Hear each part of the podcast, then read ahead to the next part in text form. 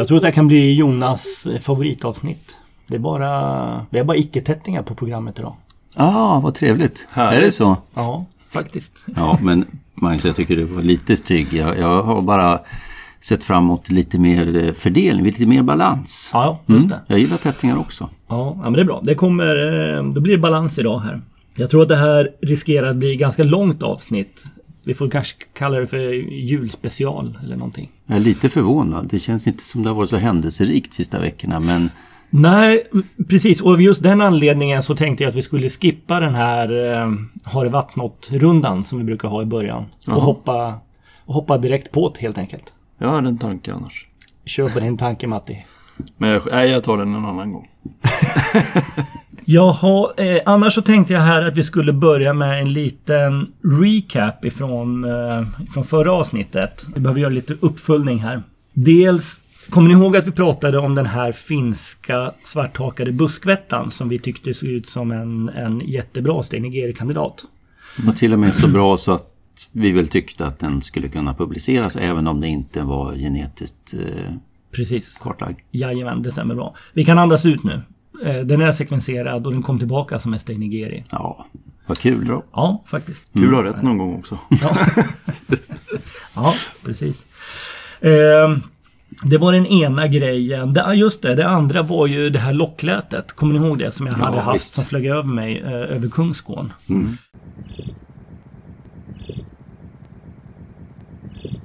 För de av lyssnarna som hänger på på vår Facebook-sida så har ni säkert redan sett det förslag som Alexander Hellqvist gav. Nämligen eh, varfågel.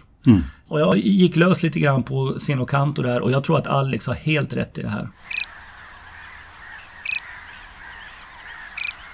Ja, men det tror jag väl man helt kan slå fast. Ja, de är lite för lika så att säga helt enkelt. De inspelningarna jämfört med, med min originalinspelning där då. Det, det måste varit en överflygande varfågel helt enkelt. Ja, allt stämmer ju. Årstid, lokal, det är ju också en, en trolig art att det skulle kunna vara det. Jag tycker det var fantastiskt skarpt av Alex att ta det där. Ja, ja det var kul och bra. Jag måste säga att jag, har ni hört det där förut någon? Nej, jag har Det där var första gången för mig. Ja, ja det var, var kul. För det ska vara kul att få lite mer feedback om det där är ett, ett vad ska jag säga, någon slags sträckläte eller, eller em, bara i så, om det bara är ett så kallat flyktläte mellan olika när den positionerar sig inom ett vinterrevir. Om, om, om det är någon, alltså är det frekvent yttrat eller? För, ingen lite förvånad för jag är som sagt helt nytt och, och jättekul att, att eh, Den, den inspelningen som matchade bäst. Eh, där står det också angivet utav eh, inspelaren att det, att det är från en flygande fågel.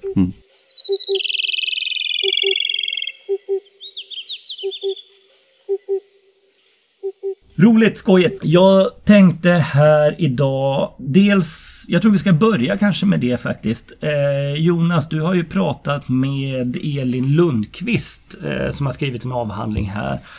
Eh, efter det tänkte jag att vi ska följa upp och prata lite grann om större turturduvor och sen så ska vi avsluta det med lite, lite coola beckasiner. Så så ser dagens program ut. Ja, det var ju så här. Elin Lundqvist har avlagt en doktorsexamen i etnologi eh, den, i slutet på oktober. Och själva ämnet som hon har doktorerat är, är helt enkelt om fågelskådning och om fågelskådare. Och avhandlingen heter Flyktiga möten. Och det var ju eh, så intressant så att jag bestämde för att eh, ringa upp Elin och intervjua vad hon hade kommit fram till i sitt eh, doktorandarbete. Så vi kan väl lyssna på den intervjun. Mm, kul!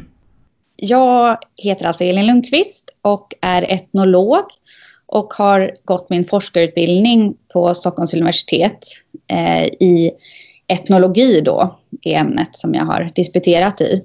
Och jag har då alltså undersökt eh, fågelskådning och eh, speciellt sett den som fågelskådare relaterar till eller lär sig att relatera till fåglar.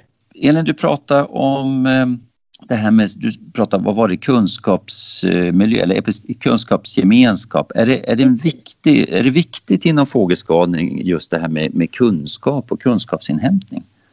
Ja, det skulle jag säga är helt centralt. Ehm, jag har ju liksom tittat på eh, fågelskådning, ja, men eftersom jag har studerat då relation, hur man lär sig att relatera till fåglar på olika sätt, så har ju jag när jag gått ut sett att när man börjar att intressera sig för fåglar och börjar se att det här, är, här, här finns det någonting och ja, det, det är någonting häftigt med fåglar så kommer man ju ganska snabbt in i en hel värld där det finns liksom utarbetade sätt att eh, ägna sig åt eller uppmärksamma fåglar. Mm. Och där är det ju direkt det här, alltså det som man kommer in i väldigt snabbt är ju artbestämningen eh, som jag skriver ganska mycket om och vad, vad den kan betyda och vad, var, varför, varför vill vi veta vad, vad det är för art och hela den liten. Precis, jag, jag vet du, du har ett avsnitt där som, som pratar om just glädjen av identifikation och du har begrepp om intellektuell tillfredsställelse. Jag tycker det var lite välfunnet och det var lite kul att få, få läsa om det. Jag, jag, är ju en av de här som du har, eller jag ska säga, du har inte stött mig men jag, jag känner mig rätt träffad som, som eh, objekt i din, din avhandling. Så att det här med kunskapsinhämtning är viktigt säger du, men det det är väl någonting mer. Jag vet att du också har ju i, i titeln här begreppet icke-mänsklig karisma. Kan ja, du, vad, vad, vad, menar du med det? Ja, det, det här är ett begrepp som jag har hämtat från en, eh, en geograf som heter Jamie Lorimer. Och man pratar ju om, eh, alltså karisma så kanske man främst tänker på människor eh, och mm. människors karisma eller utstrålning. Men karisma finns ju också som eh, ja, när man pratar inom eh, naturvården om eh, det som kallas flaggskeppsarter eller flag, flagship species ehm, mm. så brukar man prata om att det är, är karismatiska arter.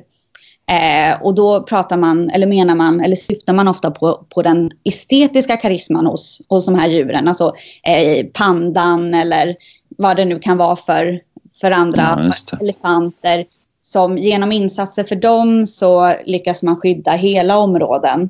Eh, men den här geografen då som jag har använt, eller modellen eh, som han har utvecklat, han försöker liksom förstå flera dimensioner av människors dragningskraft för djur. Och både som har med vårt sätt att kunna se som liksom arten människa, att kunna eh, möta andra eh, arter. Och där är ju då det som han, jag kanske inte ska gå in så jättedetaljerat på den här modellen, men eh, där pratar han till exempel om något som han benämner eh, ekologisk karisma, att vi har eh, att fåglar är förhållandevis lätt för oss att uppfatta liksom, med våra sätt att, eh, våra sinnen. Mm. Eh, Medan det finns andra arter som vi har betydligt svårare att, att se och känna och höra och där vi kanske inte kommer i kontakt med dem så ofta. Eh, så att en anledning som jag diskuterar att, att fåglar eh, har som popularitet är ju faktiskt att de finns runt omkring oss. Eh, men sen så diskuterar han andra, en annan bit eh, och det är det som han kallar affektiv karisma, mm. alltså en mm. känslomässig karisma och försöker förstå vad som, vad som driver människor i sådana här intressen som till exempel fågelskådning. Men det kan ju dras paralleller till andra eh, naturintressen och till andra intressen för husdjur eller för eh, vad det nu kan vara, alltså relationer med, med andra djur. Mm. Eh, och då är det här som du berätt, tog upp till exempel med igenkännandets glädje, alltså att, att eh, eh, få en, en, en kick eller en tillfredsställelse av att kunna identifiera andra, ja, eller fåglar då. Det är i sig, menar jag, då en typ av karisma som uppstår i mötet mellan fågelskådare fågel. Ja, just det. Ja.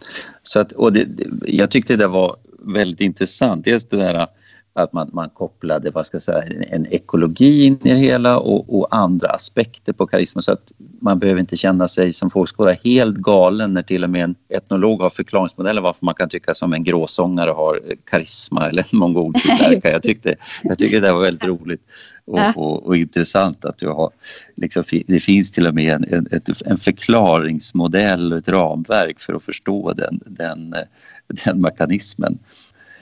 Ja, det, det, som sagt, Elin, jag eh, tyckte det var väldigt intressant att läsa din avhandling och vi har egentligen bara, känns det som, hunnit skrapa på ytan av det här. Det tar ju upp väldigt många andra aspekter av det och inte minst eh, sådana saker som raritetskommittén och bedömning och, och så, vad de här flytande eh, gränserna mellan vetenskap och, och hobby. Men om det är någon nu av våra lyssnare som skulle vilja läsa din avhandling, hur, hur får man tag i den? Eh, dels så finns den på, eh, på internet. Om man söker på titeln så går den att ladda ner där som pdf. Och, och titeln är alltså Flyktiga möten, fågelskådning, epistemisk gemenskap och icke-mänsklig karisma av Elin Lundqvist. Ja. Så då kan man googla det menar du? Precis, och sen så finns den också i e-bokhandlar mm. och eh, går att beställa. Det är sånt här print on demand eh, och kostar tror jag runt 100 lappen eller någonting sånt. Ja, vad trevligt. Du, jag måste avsluta med en fråga. Nu har du vistats mycket i fågelskådsmiljö. Du har inte blivit lite hooked själv då på, på det här med fågelskådning? jag kommer ju från en, eh, en familj med en fågelskådande pappa, så det här var ju inte helt, helt främmande för mig. Men jag tror att det har gått upp för mig under tiden att jag kanske inte har samma, eller jag kan, nu kan jag förstå att jag inte riktigt har samma engagemang som många fågelskådare. Men det är klart, jag kommer nog sakna att följa, följa det så här ingående. Ja, vad kul att lyssna. Jag var några veckor sedan jag eh, gjorde den här intervjun med Elin, men jag, det slår mig nu också eh, hur, hur eh, fantastiskt väl hon har fångat fågelskådningens väsen och olika typer av fågelskådare och någonstans satt det i en kontext från, en, från ett håll som inte jag är van med, det här etnologiskt sociologiska sättet att, att se på det. Men jag, eh, det var stor behållning att läsa den. Kan man, ofta får man ju frågan från icke-skådare. Eh, kan du förklara vad det är med fågelskådning som gör att du tycker det är så kul? Eller vad? Och det där är alltid svårt tycker jag att förklara. Eller jag har funderat en del på vad det är som gör att jag håller på. Eh, kan man sträcka fram den här nu till den som frågar mig? Varför, varför håller du på med fåglar? Ja, du kan läsa den här. Ja, på ett sätt skulle jag nog vilja säga det samtidigt som givetvis inte. Det finns ju någonting som mm, alla vi som håller på med det här, som, det är ju svårförklarligt. Men jag måste säga att hon dekonstruerar det på så bra sätt man kan göra. Eller jag har inte sett något som, som har varit så här bra i alla fall. Ehm, sen är det där all form av nörderi, varför gör man det? Det kan man ju undra. Men någonting ger ju. Men just det här med att bygga en kunskap tillsammans, det här med det här karismabegreppet, alltså det här som att man, vi, när vi ser en ovanlig fågelsätt, det, det väcker ju känslor, man sätter arten i sitt sammanhang, det, det är ju någonting som triggas. Jag tycker att hon har försökt beskriva det så, på ett, ett ganska bra sätt, med till och med referenser från, från andra miljöer så att säga. Mm. Det, det, det är roligt att se alltså, helt enkelt vetenskapligt baserade förklaringsmodeller. Mm. Sen är det ju, jag kan väl ärligt säga att den här avhandlingen, det är ju ingenting man man läser igenom på en kafferast heller. Så att om du lämnar den till alla som ställer en fråga Mats så vet jag inte om de kommer att bli jättemycket klokare eller ta sig igenom den. Jag har, jag har faktiskt redan formulerat ett standardsvar som jag har till dem. Ja, få höra. Ja, men jag, har jag har kommit på att det som är det är ju så många delar i det här med fågelskolan som man tycker är kul. Men när mm. man backar och zoomar ut så finns det en del som jag tror är ganska central. Och hade man tagit bort den så undrar jag om jag hade liksom hållit på. Och det är spänningsmomentet. Någonstans finns det, det är ju inte spänningsmoment i allt det man gör med fågelskådning. Men det är nog spänningsmomentet som är bidragande till att man sen klär på allt det andra i, i olika sammanhang. Men hade det inte funnits de här spänningsmomenten när man står på en udde eller kanske åker på en resa och ska titta på... Eller då undrar jag om det är... Mm. Den känns för mig ganska central. Mm. Fast jag, kan, jag tänker inte på det, att det är så. Men... Jag hade gissat att du skulle säga estetik. Ja, ja precis. ja, men eh, det tror jag har klätts, det kläs på. Mm. Alltså, då, sen blir ju saker och ting... Jag vet inte om du skojar nu? Men... Nej, nej, nej, nej, nej, nej, jag var allvarlig. Nej, men jag tror att det... Och då blir ju en, en, eh, en sjöorreflock estetisk, men det har ju någonstans, någonstans har det sitt ursprung. Mm. Eh, och det är nog att hobbyn, att det är spänningsmomentet i hobbyn som gör det. Mm. Och sen kläs det andra på, det här med att hobbyforska och lägga pussel och, och estetik. Eh, vi kan rabbla massor med saker. Mm. Ja. Jag vet inte vad ni säger. Nej, men jag håller med Mats. Spänning och precis som eh, Magnus du la till estetik. Eh, det, det är väl någonstans där man hamnar. Ja, kul i alla fall att läsa avhandlingen.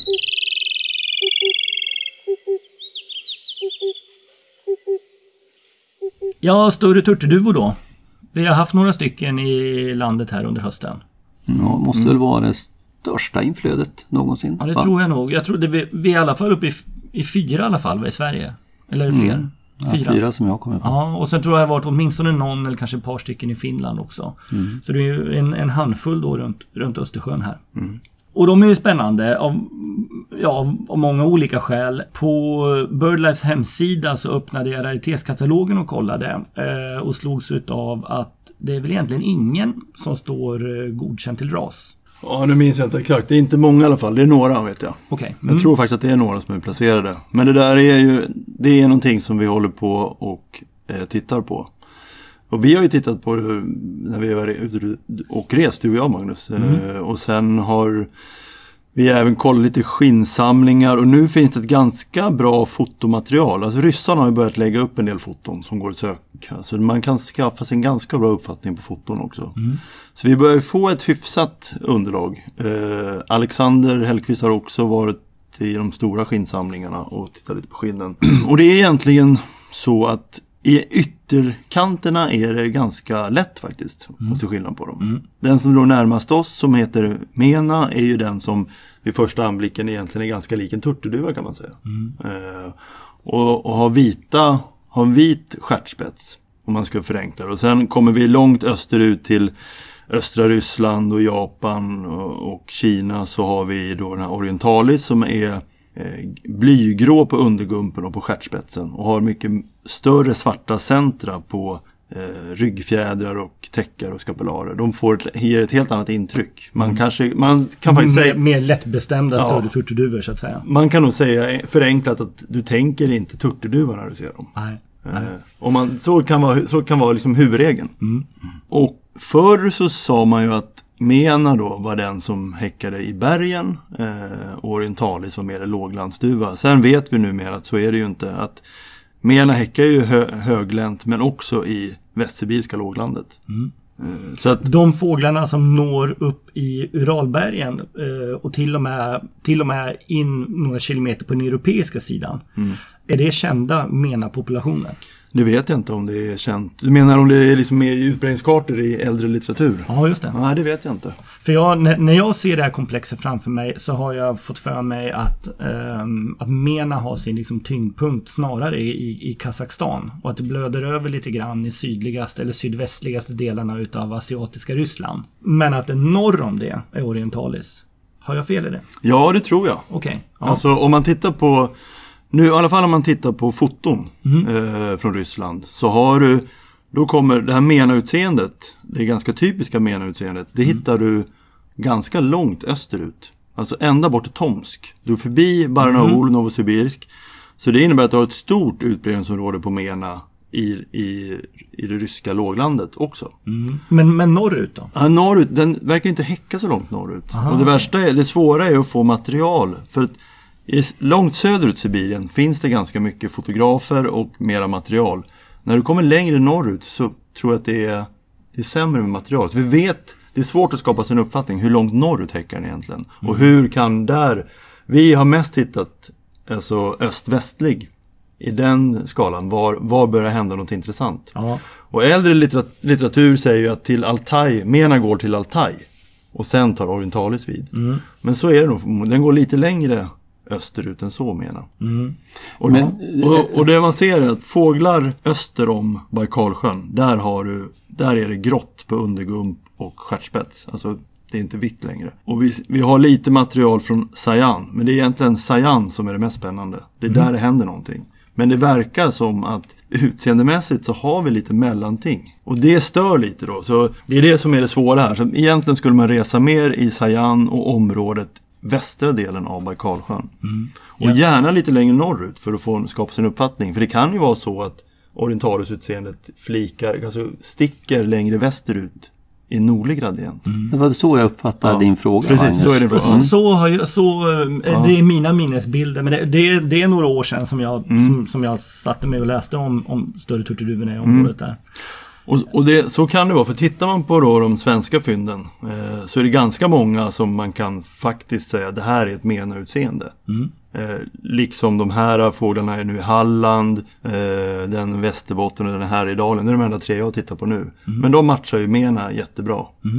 Men vi har flera fynd som matchar mena men har eh, en svag grå ton i undergump och i stjärtspets. Och det är lite konstigt att, att det är relativt många sådana individer i Finland och Sverige eh, som, som är hyfsat bra mena men inte som de allra typiska. Det kanske, det kanske är så att när vi kommer längre norrut så kanske det blir också mera grått. Lite mera grått. Det vet vi inte. Men det skulle, för det är så konstigt också att om vi nu skulle ha ganska många eller flera orientalis som häckar öster om Baikal och inte så ingen direkt långflyttare.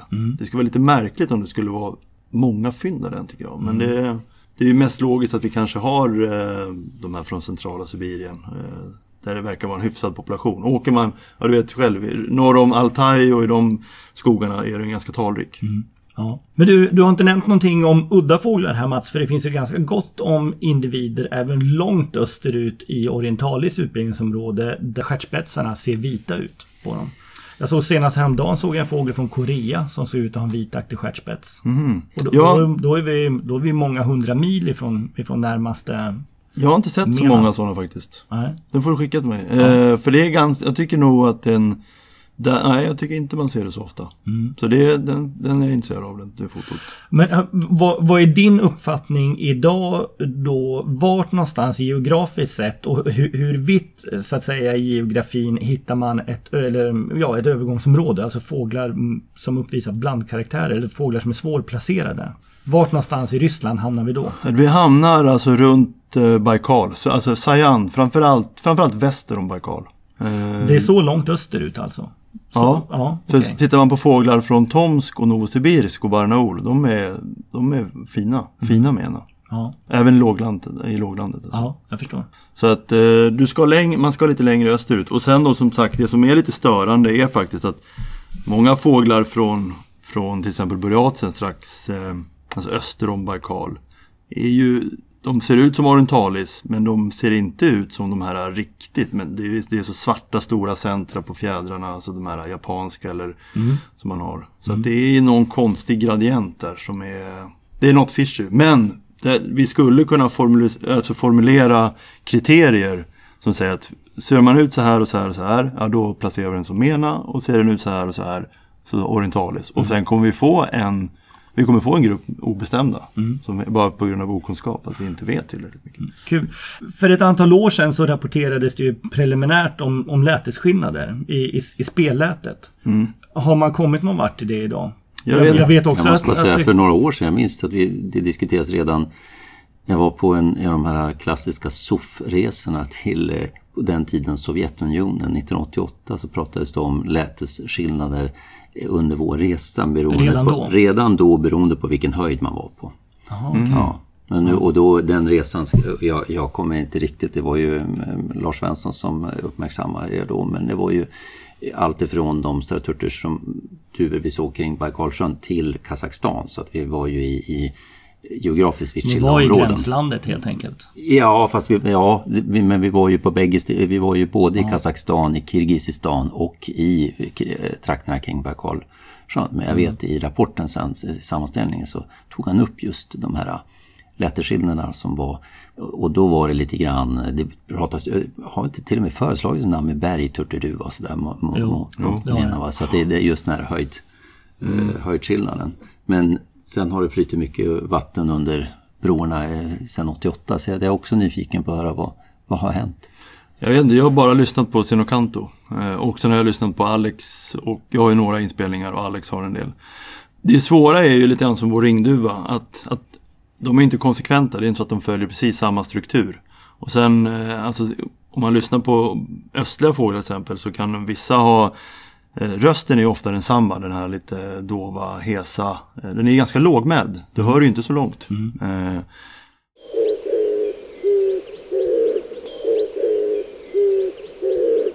Men sen är strukturen så olika så att utvärdera det strukturella är svårt. Däremot så tycker jag att många av menafåglarna eh, har, de väver in, det kommer en stavelse som är ganska ljus och hög. Som du inte har lika mycket hos, eh, Så det kan vara så att det finns en... eh, Men, eh, eh, grundutseendet på spelätet är ju fyrstavigt. Är det en utav de fyra som är ljusare? Precis. Eller menar du att det skjuts in en extra stavelse? Nej, en av de fyra. Men Ja. det där, och skulle du titta på många så är det det där med fyra, det är det inte. Alltså det kan vara huvudregeln Ja, kan man ja, säga. Men det är precis. förvånansvärt många som inte följer Ja. samma struktur också. Ja. Och lyssnar du på den här, den är ju inspelad den här svenska fågeln i, eh, vad var det, Västergötland. Ja, den just låter det. ju jättekonstig strukturen. Alltså, Men sjunger, Ungefär som vissa- sjunger den ut ordentligt nej det då? kanske den inte gör, jag vet inte. Men det är ju, Sitter där och småtutar lite? ja. Plastisk sång. Ja, precis. Ja. Men Det det, är- det behöver ju utredas också mer. Alltså Ja. speläterna och framförallt i den här äh, mellanregionen. ja. Ehm, Men jag säger också då att vi, det är faktiskt så att vi, det finns ju då på Realitetskommitténs agenda att eh, formulera de här kriterierna och städa lite grann i det här. Mm. För vi kan, vi kan placera fler, det handlar om att vi inte haft tid, vi har haft andra projekt att göra först. Så, att, så det, det finns, det går att göra nu, Mm. lite mera. Och det är som du, du sa det i förbifarten här också. Jag får ju uppenbarligen korrigera min större turturkarta lite grann här. Men om det stämmer som du säger att det egentligen är först från, säg Sayan Baikalområdet och österut som man har egentliga good looking orientalis. Då tycker jag ändå att det är lite skumt att eh, det ändå är så pass många europeiska fynd som faktiskt har sett ut som goda orientalis också. Här, För, då, för då pratar vi om, om riktigt stora avstånd helt plötsligt. Men det kan ju vara så som till exempel Stenegri Maurus. Alltså att den skjuter, alltså när du kommer längre norrut så kanske Orientalis flik, alltså går öst, västerut. Ja, det vill precis. säga att vi får en, och får vi det, ju längre norrut de är så kan det ju s- öka sannolikheten att de också flyger fel. Då har de längre att flytta och eh, lättare att komma mot oss. Ja. Ja. Och det vet jag inte och jag vet inte vem som vet. Vi får kolla med ryssarna om de har koll. Ja, roligt. Fyra fåglar. Eh, innan vi lämnar duvorna helt. eh, Du pratade här, eller vi pratade om de fyra stavelserna. Jag vill bara skicka in en liten parentes eh, som kanske inte i första hand rör större turturduva. Men har ni tänkt på situationen med våra spelande duvor eh, i Palearktis? Att vi har turturduva som är enstavig. Vi har skogsduva som är tvåstavig. Vi har turkduva som är trestavig. Vi har större turturduva som är fyrstavig. Vi har Ringduva. ringduva som är femstavig. Och sen tror jag vi har palmduva som är sexstavig. Ja, Det är, det är lite skojigt. Jag tycker det är en Ja. rolig... Är det sånt här du funderar på innan du somnar på kvällen?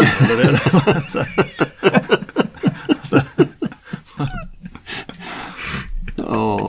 Det här är ju Aspergervarning. Magnus.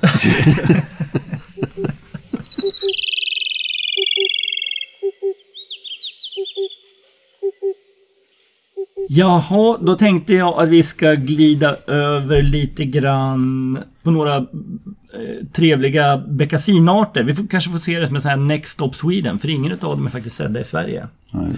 Jag tänkte att vi skulle prata om sibirisk beckasin och taiga-beckasin. Stenura och Megala, som de också heter. Det är ganska karismatiska namn, eller hur? Ja. Taigabeckasinen kanske vi ska börja med. Den har egentligen ganska litet utbredningsområde i centrala Sibirien. Framförallt i skogslandet. Sen finns det ju det finns enstaka fynd av spelande fåglar i eh, Uralbergen. Bland annat på den europeiska sidan. Det första fyndet i Europa gjordes ju där för kanske kan det vara 15 år sedan. Någonting utav en ryss. Men det är fortfarande bara sporadiska fynd. Jag trodde det var fullt regelbundet. Men Med, med inte- taiga-beckasin vet jag inte om det Nej, finns okej. regelbundet eh, i Ural. Med tanke på hur kartorna ser ut så skulle det överraska. Men å andra sidan så det är ju glesbefolkade områden. Mm. Ehm, och sen så hade vi faktiskt en spelande fågel i Finland. Kan det ha varit 2008 någonstans? Plus minus något år. Eh, så så pass nära har den faktiskt varit oss. Och tittar vi på Sibirbeckasin däremot så har den ett mycket större utbredningsområde. Man kan egentligen säga att den häckar i rätt stora delar utav asiatiska Ryssland. Och de finns längre västerut också. De finns regelbundet fram till, eh, till, till norra delarna utav Uralbergen. Om kartorna har rätt så kan vi nog förvänta oss att totalpopulationen utav Sibirbeckasin är, betydligt större än vad, än vad den är utav Taigabeckasin. Ja, och för eh, Sibirbeckasinens del, där, jag känner inte till att det finns fynd i Nordeuropa utanför Ryssland. Eh, till skillnad från Taiga Beccasin då, där vi har det finska fyndet. Däremot så har det ju gjorts ganska många fynd nere i eh, Mellanöstern. Israel, jag, jag har inte koll hur många fynd det finns men det är ju åtminstone... Ja, det är inte så många ändå va? Mm. Eller kanske, ja. Nej, ja, ja. Och något fynd från Italien. Om Sicilien, jag minns va? rätt. Sicilien kanske var mm. ja. Så jag tror att det finns, eh, det finns nog eh, goda skäl att vara någorlunda påläst eh, vad det gäller de här arterna i alla fall. Eh, man kan nog förvänta sig att det så småningom kommer att dyka upp och det, vilka av dem som dyker upp det är nog inte alls skrivet i sten. Vi ska snart gå in lite grann på lätena men jag tror att vi måste börja med att säga att artbestämningen utav de här utseendemässigt så är de ju oerhört lika varandra. Ja, och jag, jag uppfattar som att det har, vad ska jag säga, det har kommit och gått rön och sanningar kring potentialen att artbestämma Sibir och taigabeckasin genom tiderna så att säga. Det som faktiskt håller såklart, eh, det är ju skärten, strukturen på skärten. Sibirbeckasiner har många flera stjärtpennepar än vad, än vad tigerbeckasinen har.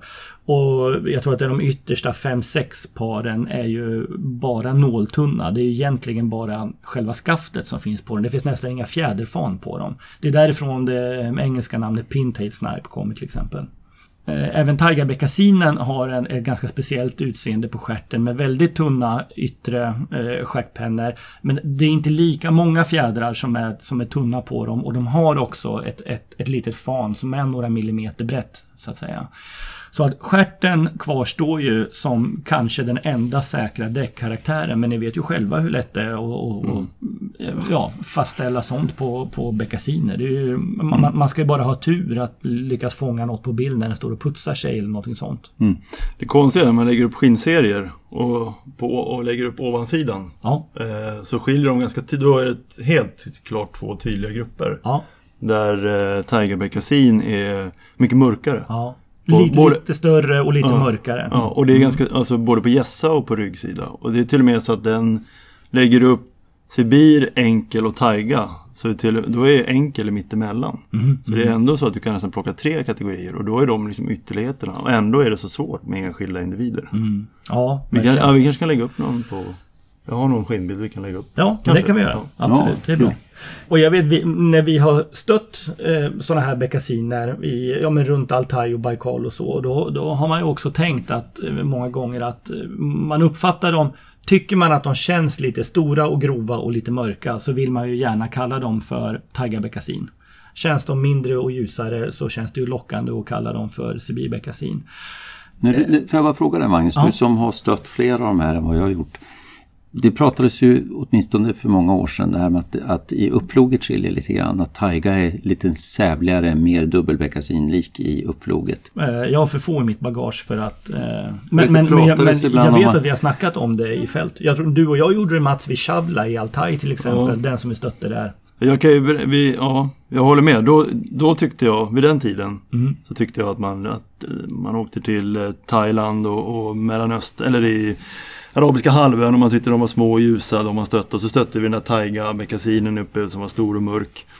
Och sen, jag kan berätta det, här, det några år senare så bestämde vi oss för att titta. Vi åker eh, månadsskiftet augusti-september till Selenga-deltat. För där fanns det studier som visade, alltså på skjutna fåglar, vid den tiden så har du ungefär 50-50.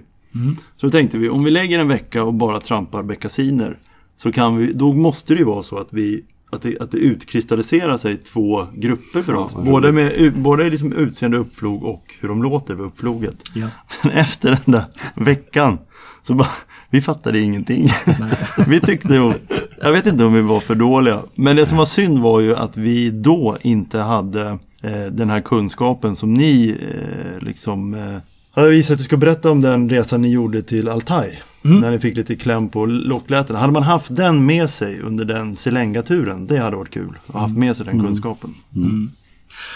Ja, precis. Eh, vi ska strax glida över på lätena, men jag tänkte först säga här att vad jag känner till idag så finns det egentligen fortfarande bara tre säkra bestämningsmetoder för de här beckasinerna. Och det är antingen skärten, det är lätena eller det är DNA. Så svårt tror jag att det fortfarande är än idag, mm. vad jag känner till. Mm. Samtidigt lite lockande med det du berättar, Mats. Nu känns det som att om man gräver lite ja. djupare så kanske man ändå kan hitta några hållbara karaktärer. Det låter ju onekligen så. Det är lite intressant ju.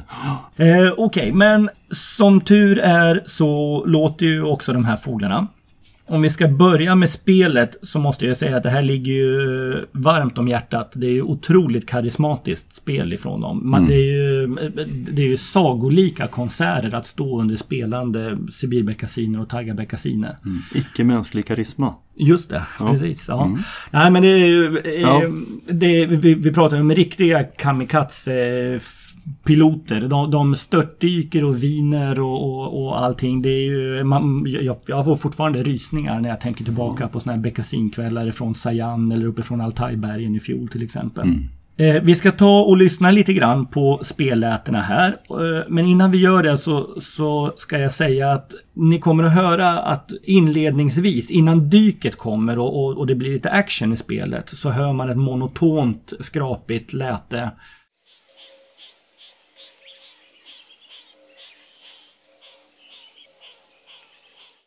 från de här kringflygande fåglarna. Och då håller de sig alltså i en slags planflykt där de flyger runt.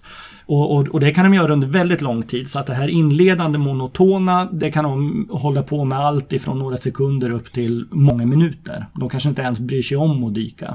Men sen hör man att det här börjar accelerera och då kommer också det här störtdyket från dem Eh, när det börjar vina om, ja jag gissar att det är stjärtfjädrarna som skapar de här ljuden. Och sen så hör man sen när de planar ut ganska snabbt i dyket och sen så kastar de ur sig de här små, små kväkningarna som kommer ifrån fåglarna. Och det vi ska lyssna efter här vill man göra det enkelt för sig så kan man säga att det är närvaro eller frånvaro utav R-ljud helt enkelt.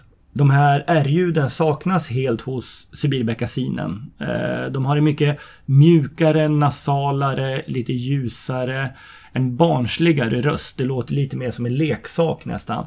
Och det, det går dels igen i det här mm, så att säga monotona ljudet när de eh, cirkulerar inför dykningen. Men efter dykningen i de här skrapningarna så hör man det kanske som allra tydligast. Det finns inga R-ljud överhuvudtaget där.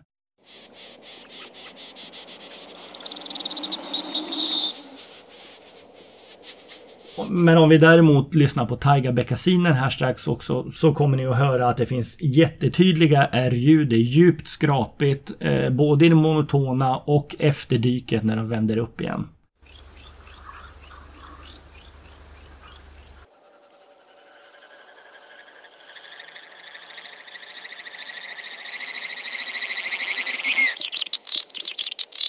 Ja, håll med om att när man väl får skillnaden förklarad för sig så är den ganska tydlig. Mm. Jämfört med Många gånger har vi haft fåglar, eller ett par gånger ska jag säga, så har vi haft fåglar utav båda arterna spelandes tillsammans. Och skillnaden är ju konsekvent och den är lätt hörd och allting. Det enda som egentligen krävs är att man inte står för långt bort från fågeln. Eh, därför att då försvinner det ljuden. Det, då blir det för mycket sibirbeckasin så att säga i protokollen. Mm. Så att eh, avståndet är viktigt. Man måste vara säker på vad det är man hör också. Men det är, det är som sagt ett otroligt fascinerande spel och speciellt om man står i ett område med flera spelande beckasiner runt omkring. Du kommer ihåg eh, Jonas runt Seminsk och uppe vid Ulagan-platån här. Ja, för... fantastiska. De håller ju verkligen låda på kvällarna. Det är ju fullt drag. Och Eh, Eh, alltså nästan så att Sibir blir favoriten med den här eh, nästan gnälligt enträgna avslutningen. Så, som, eh, ja, de är väldigt typiska. Ja, verkligen. Och, och som sagt den här röstskillnaden, just den här eh, eh, sibiriska beckasinens leksaksröst. Eh, Medan vi har den grövre, kraxigare, skrapigare taigabeckasinen. Jag tror också att det är just det eh, som är nyckeln till att sortera dem rätt när det gäller locklätena. Kommer ni ihåg för några år sedan att eh, det kom en ganska bra artikel i British Birds ifrån Paul Leader i Hongkong? Absolut gällande just sibirbeckasin och tigerbeckasin. För de fångar ju båda arterna nere i Hongkong. Jag hade faktiskt besök i höstas utav Paul Lider nere på Ottenby. Så jag passade på att göra en liten intervju med honom då om, eh, om just eh, beckasinerna och, och deras lockläten. Mm. Ska vi ta och lyssna på den? Ja, gärna. Eh, Innan vi lyssnar så ska vi också säga att på engelska så heter tigerbeckasinen Swinhose Snipe och sibirbeckasinen å sin sida heter Pintail Snipe. Så Swinhose och Pintail, det är det Paul kommer att prata om här i intervjun.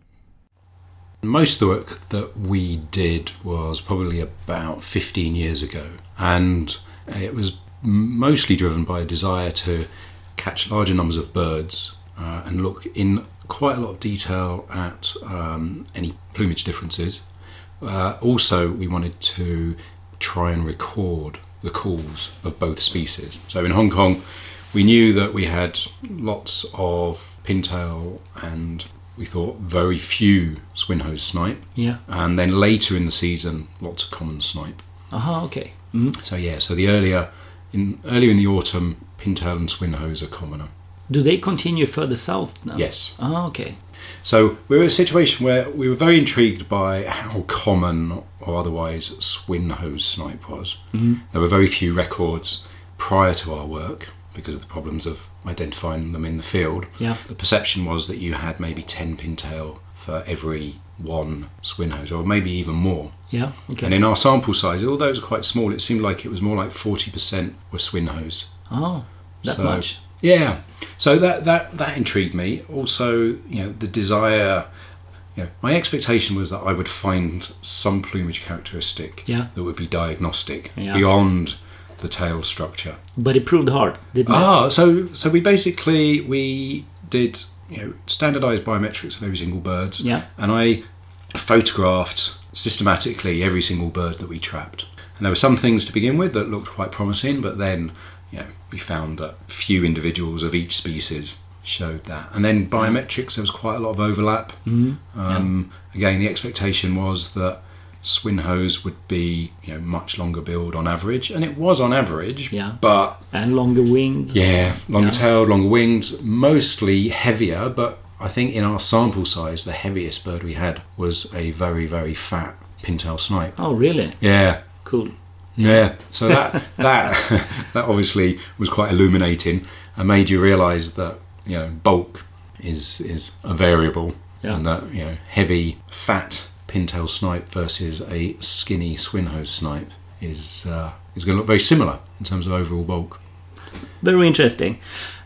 Given that these birds are extremely difficult to ID in the field, uh, but rather easily so in the hand using tail structure and releasing handheld birds of known ID should provide a very good method for, for learning calls. Correct. We uh, were both of the opinion that there were two consistent call types coming out of the swinhose stroke pintail snipe that we were flushing during our standard birding. Yeah. Mm. And they were consistently different. And quite often, one type came from, one call came from birds that on average looked larger Yeah. and heavier. Uh, and obviously, we were of the view that they were applicable to pintail and Yep. swinhose. And they were consistently different. The call of swinhose seemed consistently deeper and just a little bit more complex. Deeper, you mean like a lower frequency? Yeah. Yes. Mm. Yeah. So pintail was slightly higher pitched and a slightly flatter call. Yeah. Call. So what we did was every single bird. So when we were ringing, we were putting all the pintail snipe on one side in bags after we'd processed and photographed them, so that we could let them go. And unfortunately, very few of them called on release. it was so frustrating. My memory of catching snipe prior to that was that pretty much every single bird that you trap and release calls.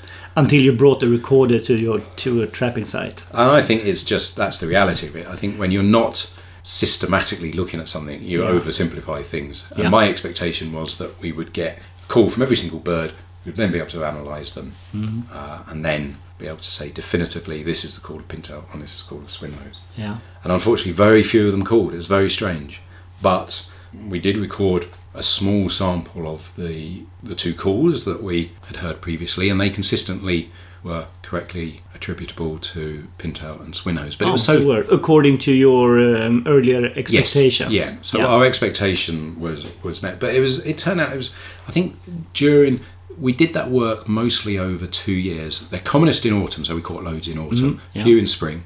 And I think in total, in just over two years, we caught, I think it was about 100, 110 of both. Okay. And again, it was about 40% swinhose, uh, 60% pintail. In terms of trapping numbers, it was very productive, but Yeah. yeah. just so few called. So, in the paper that we wrote years ago in uh, British Birds, we did put in sonograms of both, and we did suggest that these would be The typical calls. exactly. Yeah. But the problem we had was that we couldn't definitively say, or we weren't comfortable with saying that these were diagnostic because our definitive sample of each was so small. Yeah. I have two recordings here representing calls that, yeah, well, that I kind of think are uh, representative for each species. Could we have a listen and then see if you Yeah. if you would agree with me? Okay. Yeah. This bird is um, published as pintail snipe on uh, Xenocanto, and to me, this is more or less how I also believe that pintail should should sound like.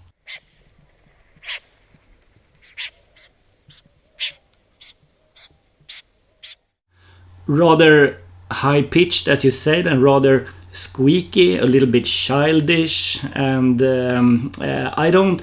Well, it, it is kind of.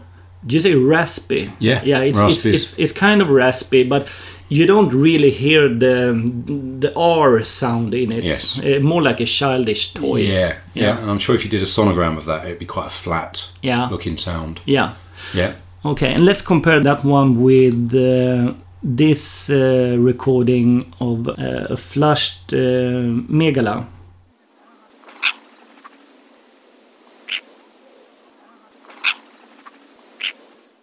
Yeah. Would you agree? Yeah, absolutely. I mean, Yeah. that's just, and those were the calls that we we were hearing years ago. Ah, Yeah, I think they're, you know, once you get your ear in, they are pretty distinctive.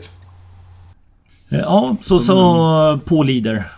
Eh, Jag tycker det är ganska... Jag tycker det är ett roligt projekt han har gjort. Ja, men det är superkul och jag, det är ju på gränsen till att han nästan är lite väl försiktig. Jag menar, jag, jag, det, med all heder till honom, men eh, kul att du testar honom med de här lätena. För, för eh, lyssnar man igenom Sinocanto så tyvärr grumlas ju som inte helt sällan på Sinocanto av att det är en hel del felinlagda läten. Och man måste ju på något vis försöka sortera upp de här för sig själv och att, att försöka se igenom de här eventuellt felbestämda. Men där finns ju ett, ett, ett par bra. Jag antar att du hade tagit den här Megalan från Sinocanto också. Ja, det hade jag gjort. Ja, och det finns ju några sådana. Och håller det här då är det ju, det är ju superintressant och kul för det är ju distinkta läten alltså. Ja, det Men är hur mycket verkligen. variation är det? Alltså kan det vara, hur många är det som blir svåra? Alltså individer. Jag kan inte svara på det. Eh, Jag tror för, för mig är det här fortfarande i sin linda. På något sätt så återstår det att bygga upp en volym utav... Jo, men, men eh, hans... Eh, det var ju synd att ni inte blev klokare efter er eh, i Selenga-deltat. Men om man lyssnar på Paul Lider var det ju så att, att det var lite synd att när de gjorde det här systematiskt så blev det inte så stort antal. Men, men jag uppfattar från honom att, att några svåra fåglar vet det sjutton om han pratar om. han tyckte att det fanns två han, kategorier. Han säger ju consistently. Ja, Gör han. Så att hans uppfattning är att så här låter de och de placerade sig i två kategorier. Eh, Även så att säga fåglarna utanför, utanför själva undersökningen upplevde de ju två tydliga kategorier. Det kan ju vara så att vi kanske bara hade en art. Det vet vi ju inte. Ja, precis. Det är det jag satt och tänkte men på det var det också. intressant också, för han som var med oss, en ryss där, Igor Fefelov. Mm. Han berättade ju då eh, att eh, sången, jag, jag, han vågar inte bestämma dem på uppfloget på hösten, sa han. Mm. Eh, sången är jättelätt, sa han. Då hör jag direkt vilken det är. Så han var ändå så pass, liksom, så pass kunnig. Att, men han tyckte ju att uppflog på hösten inte gick att bestämma dem på. Mm. Spännande. Ja. Det skulle vara kul att prata mer med, med, med just Igor om det faktiskt. Ja, eller framförallt skulle det vara, det är nu man skulle vilja åka till Selenga. Med den här liksom ändå insikten. Eh, Men det- Mats, eh, den här datan, eller uppgifterna jag har fått om att det var, eh, fanns bägge arterna, skjutna individer. Ja. Var det från samma period? Man kan ju tänka sig att diffa lite i vi, vi flyttningstid. ville ju, fast jag kommer inte ihåg exakt, men vi, vi tänkte att vi ligger ganska bra i tid. Eh, vi hade ju flera projekt då. Vi skulle ju titta på Isabella Törnsgator och andra grejer. Så vi var, och där var vi för sent. Mhm. Det här var tror jag första veckan i september. Hade ni mycket beckasiner?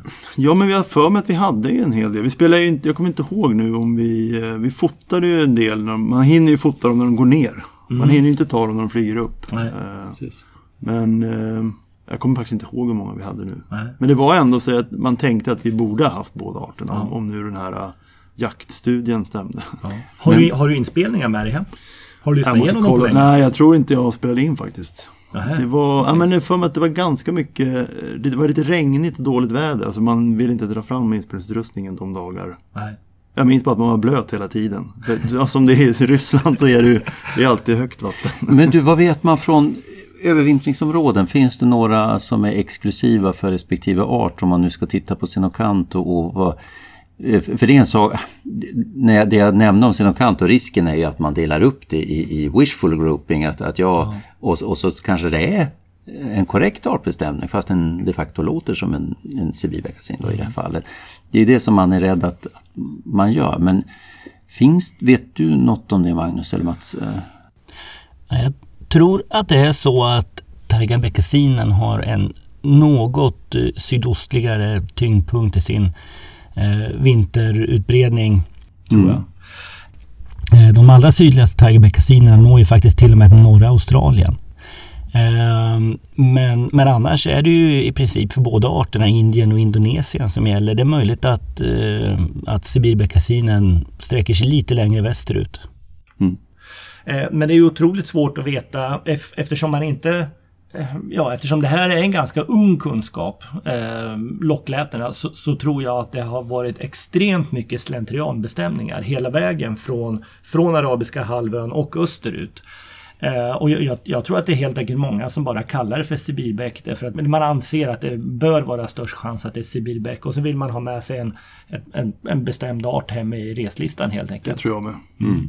Så av den anledningen så tror jag att man har en, eh, alltså en bias, alltså en felaktig överrepresentation utav just Sibirbäck. Så att, ja, och det, det resulterar i säga, en ganska långsam kunskapsuppbyggnad också. Ja, eh, som sagt, karismatiska och trevliga fåglar på alla sätt och vis.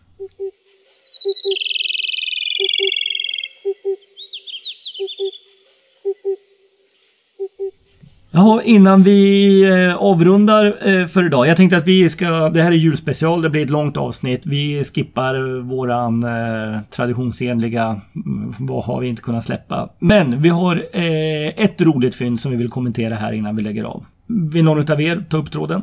Du, jag antar att du tänker på gotländska sädesärlan. Just det. Ocularis. Ja. Inte många fynd i Västeuropa. Nej. Märkligt är ganska, få. Ja, märkligt få. Nästan... Eh, det, här- det är ju nästan ett spektakulärt fynd. Ett utav... Ja, kanske rent utav det första i, i Europa. Vad vi känner till här i alla fall. Men det är ett stort utbredningsområde. Den är nordlig, den häckar ända upp på tundran. Eh, och relativt långt västerut. Det borde vara... Det borde nästan vara årlig tycker man. Ja. Förhållandevis distinkt också i sin teckning, kan man, eller konsekvent kan man säga i sin. Men sen är det ju alltid det där lite grann som gnager med bestämningar när väldigt få karaktärer är inblandade. Eh, hur, hur bär man sig åt för att den här känslan utav säkerhet ska infinna sig? Ja. Och då, man vill ju, allra helst så skulle man vilja ha ett vårfynd. Alltså de mest typiska individerna som har det här svarta strecket på våren då, genom ögat. Och sen också har väldigt vita större täckare. De individerna skulle man ju känna sig safe med. Men höstfåglar då, där du inte har så mycket hjälp av större täckarna och man börjar fundera på, på ett jättematerial av alba så kanske du kan ha en lite svart streck ju. Och då blir man ju genast osäker. Så att, att den här övertygelsen är ju lite svår. Ni, har ett, ni har ett arbete framför er Ja, helt den, enkelt. den här kommer bli lite stökig. Och sen tyvärr har man ju inte hjälp av lätet.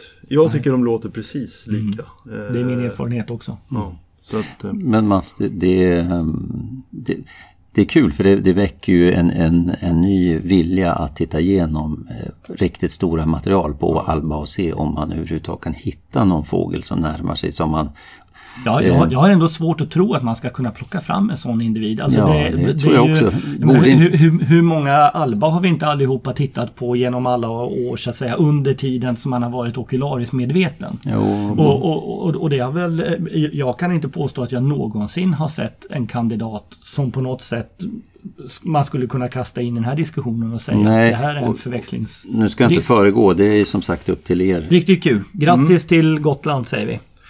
Hörni, eh, god jul allihopa. Ja, god jul. Ja, god jul. Vi får väl höras igen in på nyåret någon gång. Det får vi göra. Ja. Bra. Tack ska ni ha. Tack. Hej.